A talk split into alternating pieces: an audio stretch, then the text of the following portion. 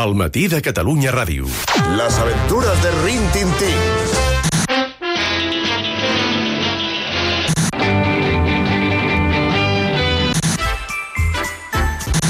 La familia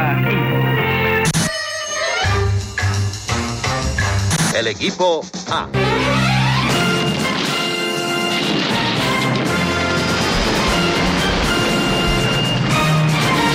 Com estàs, que Novell? Estic intentant posar la veu d'Alberto San Juan intentar mantenir el nivell. Escolta, No, és que, clar, no, no, entrar en no. aquest estudi després d'Alberto San Juan, bueno, és entrar derrotat, i, no. eh, pels qui no d'allò, és entrar aquí, hola, i no hi ha ningú, bueno, sí que hi ha gent, però no, tal? No. No, no, és... Jo em pensava, dic, sort que no vas anar a la ràdio el dia del Drexler, perquè qualsevol que entri darrere el Drexler ja està mort. Ja. I arribo aquí i veig l'Alberto San Juan, dic, oh no, Ai, ai, ai. oh no. Oh, però escolta'm, quin discurs que té, eh? Has Bueno, és, és un actor mo molt bo, és un actor boníssim, i és un actor que ens cau molt bé perquè és, és simpàtic, és compromès, és, en, ens ha fet riure molt fent comèdies, ens ha fet plorar molt fent tot. drames, eh, és un tio que ens agrada molt. Ja està, sí, sí. Escolta, però també ens agraden molt les teves sèries boomer, eh? Ara no. Home, no sí, ara què has de aquí. dir? Què has de dir? I tant, la de dir veritat, la veritat, sempre la veritat. Jo aquí cada divendres portant les sèries que veiem els boomers quan érem joves. Avui, mira, avui et començo parlant de... Començo rebobint una mica. L'1 de gener d'aquest any va morir als Estats Units Betty White. Qui dius, Betty White? Qui és Betty White? Clar, Betty White no és Alberto San Juan, és Betty White. Va morir, per cert, 17 dies abans de complir el 100 I per poc. que dius, per 17 dies no van fer el 100. Bueno, Betty White no et diu res, però si et dic que era l'única supervivent d'un pòquer de dones que va revolucionar el món de la sitcom a final dels 80, dono una pista Home, important. un tros de pista em dones, clar. Quatre dones, sitcom, finals dels 80, només podien ser els, les Golden Girls, conegudes aquí com les xiques de oro. Thank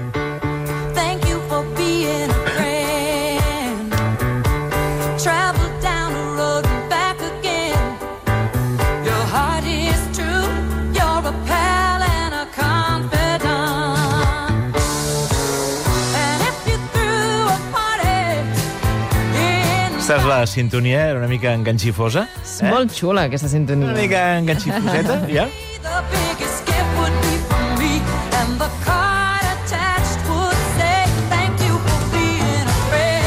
Bueno, és una mica cursileta, Està molt bé, està tal... molt bé, però no li treguis canxifoseta. No, però de què anava uh, les xiques d'Oro? Eren tres dones, uh, Dorothy, Blanche i Rose, que passen dels 60 llargs, que decideixen anar a viure juntes a un xalet de Miami. Dues d'elles s'han quedat vídues i la tercera s'acaba de divorciar. Diuen, va, doncs mira, plan, ens en anem a viure les tres juntes, sense homes, fantàstic, és el millor. Per acabar-ho d'adobar se'ls hi afegeix la mare d'una d'elles, la Sofia que curiosament l'actriu que ho interpreta era més jove que les que l'actriu que feia de filla. Passa que la caracteritzaven de dona gran. Allò era una mica eh, pastelet, però bueno, és igual. Total, un pis, de, un pis compartit entre amigues. era un pis compartit entre amigues. Eren com les tresines, però mm. més pasta, més convencional, i en lloc de Gràcia, Miami. O sigui, no tenia res a veure amb les tresines. Um, li he trobat uns quants punts a favor, tot, eh, tot i ser una sèrie veterana. Eh? Primer punt a favor.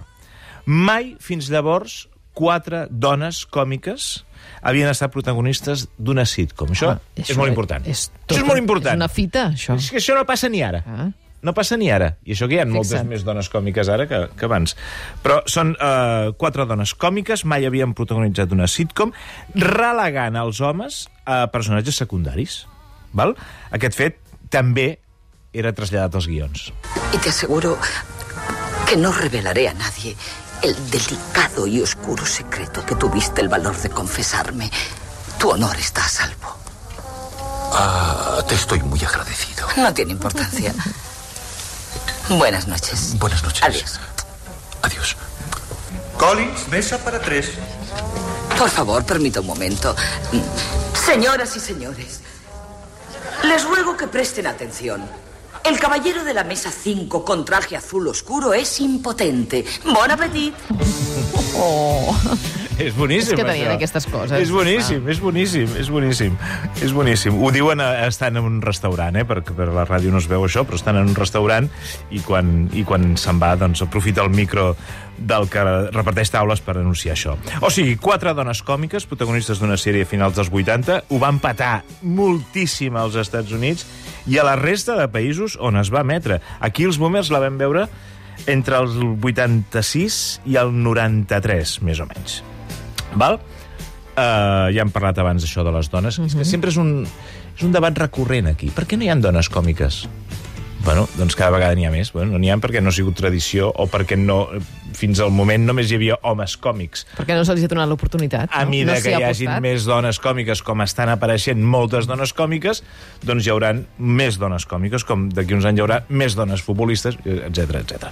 Bé, tornem a les nostres quatre dones, que compartien penes i alegries fent safreig al voltant de la taula de la cuina. Era un set, era un dels sets de la sèrie on sempre, un dels escenaris on sempre hi passava alguna cosa. Segon punt a favor.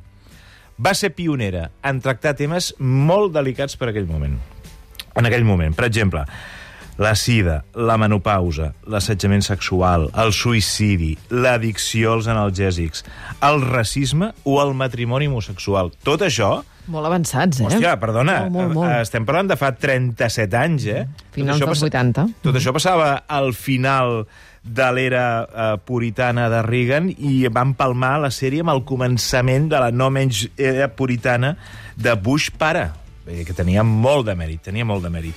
O et porto un altre exemple, la fatiga crònica, que era una malaltia que en aquell moment no se'n parlava, no se'n parlava. Uh, et porto un exemple. En un dels capítols uh, hi ha un personatge, la Dorothy, reuneix sa mare i les amigues per anunciar que li han diagnosticat fatiga crònica. D'entrada diries, és una mala notícia, però en el codi de les xiques d'oro ho celebren amb xampany. I dius, hòstia, per com és que ho celebren amb xampany? Diu, perquè estic molt contenta, perquè per fi un metge ha posat nom al mal que tinc i no se m'ha tret de sobre, com han fet molts metges de qualsevol manera. I ella celebra que li ha posat un nom. Clar que o, sí. o casualitat, al mateix restaurant es troba amb un metge de Nova York que va ser dels que temps enrere va atendre el seu cas, no va atendre el seu cas com es mereixia. Usted me dijo que no estaba enferma. Haga memoria, me dijo, solo está envejeciendo. Lo siento en este momento. Comprendo, el que está envejeciendo es usted.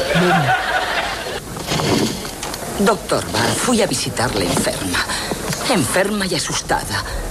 Y usted apenas me miró, no tenía la solución y en vez de decirme, lo siento, no sé lo que le ocurre a usted, me hizo sentir chiflada, como si me lo hubiese inventado todo. Usted me despachó sin más.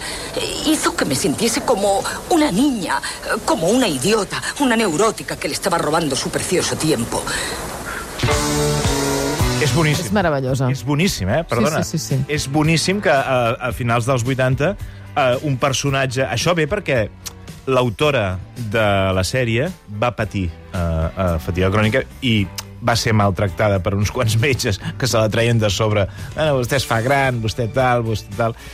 I va decidir venjar-se. Ben fet. Escrivint un guió com el que acabem de sentir, que el trobo boníssim, perquè a més és una sèrie còmica, eh, les, les Xiques d'Oro, és, una, és una sitcom còmica, i tenia moments també per dir ara anem a fotre el míting. I tant. Ara farem el míting aquí, el míting més, amb reivindicatiu. temes tan importants com aquests, eh? de Exacte. salut, de Sí, sí, sí, sí. És boníssim, de és boníssim. Sí, sí. Tercer punt a favor. Eren vídues, eren vídues, eren divorciades, eren mares, eren fins i tot àvies, però les trames no giraven al voltant dels fills, ni tampoc ai, eh, vindrà el meu net a veure'ns... No, no, això no. Sinó que eren dones que s'enamoraven, que torejaven els seus ex i que eh, compraven preservatius al súper abans d'anar-se'n de creuer per si els feia falta. Per si de cas, que mai Eh? saps què pots trobar Eh, al camaró del és- costat. És, és com una cosa molt avançada. Si algú vol veure el capítol dels, dels preservatius a, a YouTube, eh, que el busqui perquè fa molta risa quan van al súper. Bé, la sèrie va tenir cameos de famosos, també. Qui no apareixia les Xiques d'Oro no apareixia enlloc. Entre els quals, Julio Iglesias. Julio Iglesias? Julio Iglesias. Què dius ara?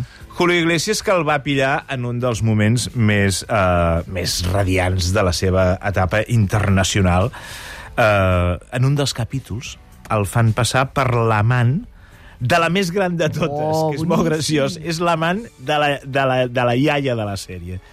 Julio, Hola, Sofía. ¿por qué no has ido por delante? No quería que me viesen. ¿Y qué gracia tiene salir con Julio Iglesias y nadie va a vernos? Boníssima. Bien. I desapareixia...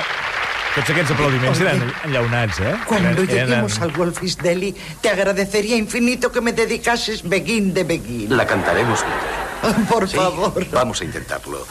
When the begin, De the Begin. Perfecto. Bueno, és la traducció, és la versió doblada. En la versió original, clar, se sent tot això en, en versió original.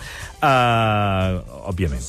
Mm, què t'anava a dir? Hòstia, m'hem perdut amb això del Julio Iglesias... Bueno, és igual. Ah, no, sí, que els aplaudiments eren tots enllaunats, eh? Tots, tots, tots, tots. Sense miraments, eh? No tots enllaunats, tots enllaunats. Total, 7 temporades, 180 capítols, 11 premis Emmy, entre els quals hi ha un premi Emmy per cada actriu, clar, perquè amb tants anys se'n van emportar. Com- Una mica de safreig sobre la sèrie, una de les actrius, la Rue McClanahan, Mhm. tenia una clàusula al contracte segons la qual es podien portar tot el vestuari Ah. del seu personatge. Apa, quina sort. I això feia que casa seva tot aquest vestuari va ocupar 13 armaris. Home, Imagina't la casa. Una casa molt gran per tenir Imagina't la aquests casa, armaris. imagina't la eh? casa. Després que dos es van barallar, clar, eh, dos actrius es van barallar i això va provocar el final de la sèrie i que una, una de les actrius es va fer un lifting entre la primera i la segona temporada. Llavors, quan van tornar a fer la, la, la segona, l'equip de maquillatge va suar sang per embellir-la, saps? Va dir, "Ostres, Ah, ha rejuvenit molt aquest. li falten arrugues. És de superoro, ja, la xica. Li falten arrugues. Boníssim, boníssim. bueno, les xiques d'oro, tu, una sèrie. És com les nostres teresines, eh, també, una mica... Una mica. No tant, eh, era menys estripat que les tresines, era bastant menys estripat, però ja has vist que està bé, tenia, tenia la seva gràcia, tenia la seva gràcia. A part de fer, de tenir quatre xistes bons a cada capítol, de vegades aquest tema de la fatiga crònica, la sida, ta, ta, ta, ta, tant. ta. Era una sèrie que no era complaent, no? Que això potser No, no, no, no, no, no, no, no l'error era, no on era. cauen moltes sèries ara. No ho era, no ho era, no ho era. Ni nyonya. Autocomplaents. Mira quina xica d'oro tenim ara Home. aquí. Has vist? Ha entrat aquí Ah, sí, tota sí, discreta, ella. Sí, sí, Molt, sempre sí. discreció. Entre sigilosa. Sí, sí, sí. Se solapa, eh? A la generació boomer amb la generació X amb les xiques d'oro, perquè crec que és una sèrie que compartim. És la frontissa, eh? Sí, Entre generacions. allà. A Sí. veure? Sí, sí, sí, sí, Ah. i tant. Vale. Sí, sí. Jo crec que sí, eh? Clar, la feien als anys 80 per la tele. Sí, clar. Sí, Per això sí. mateix. Doncs ja està, doncs és això. Escolta'm, Queco, moltes gràcies, eh? De res. Escolta'm, Bon cap de setmana, vinent. eh? El matí de Catalunya Ràdio. Amb Laura Rossell.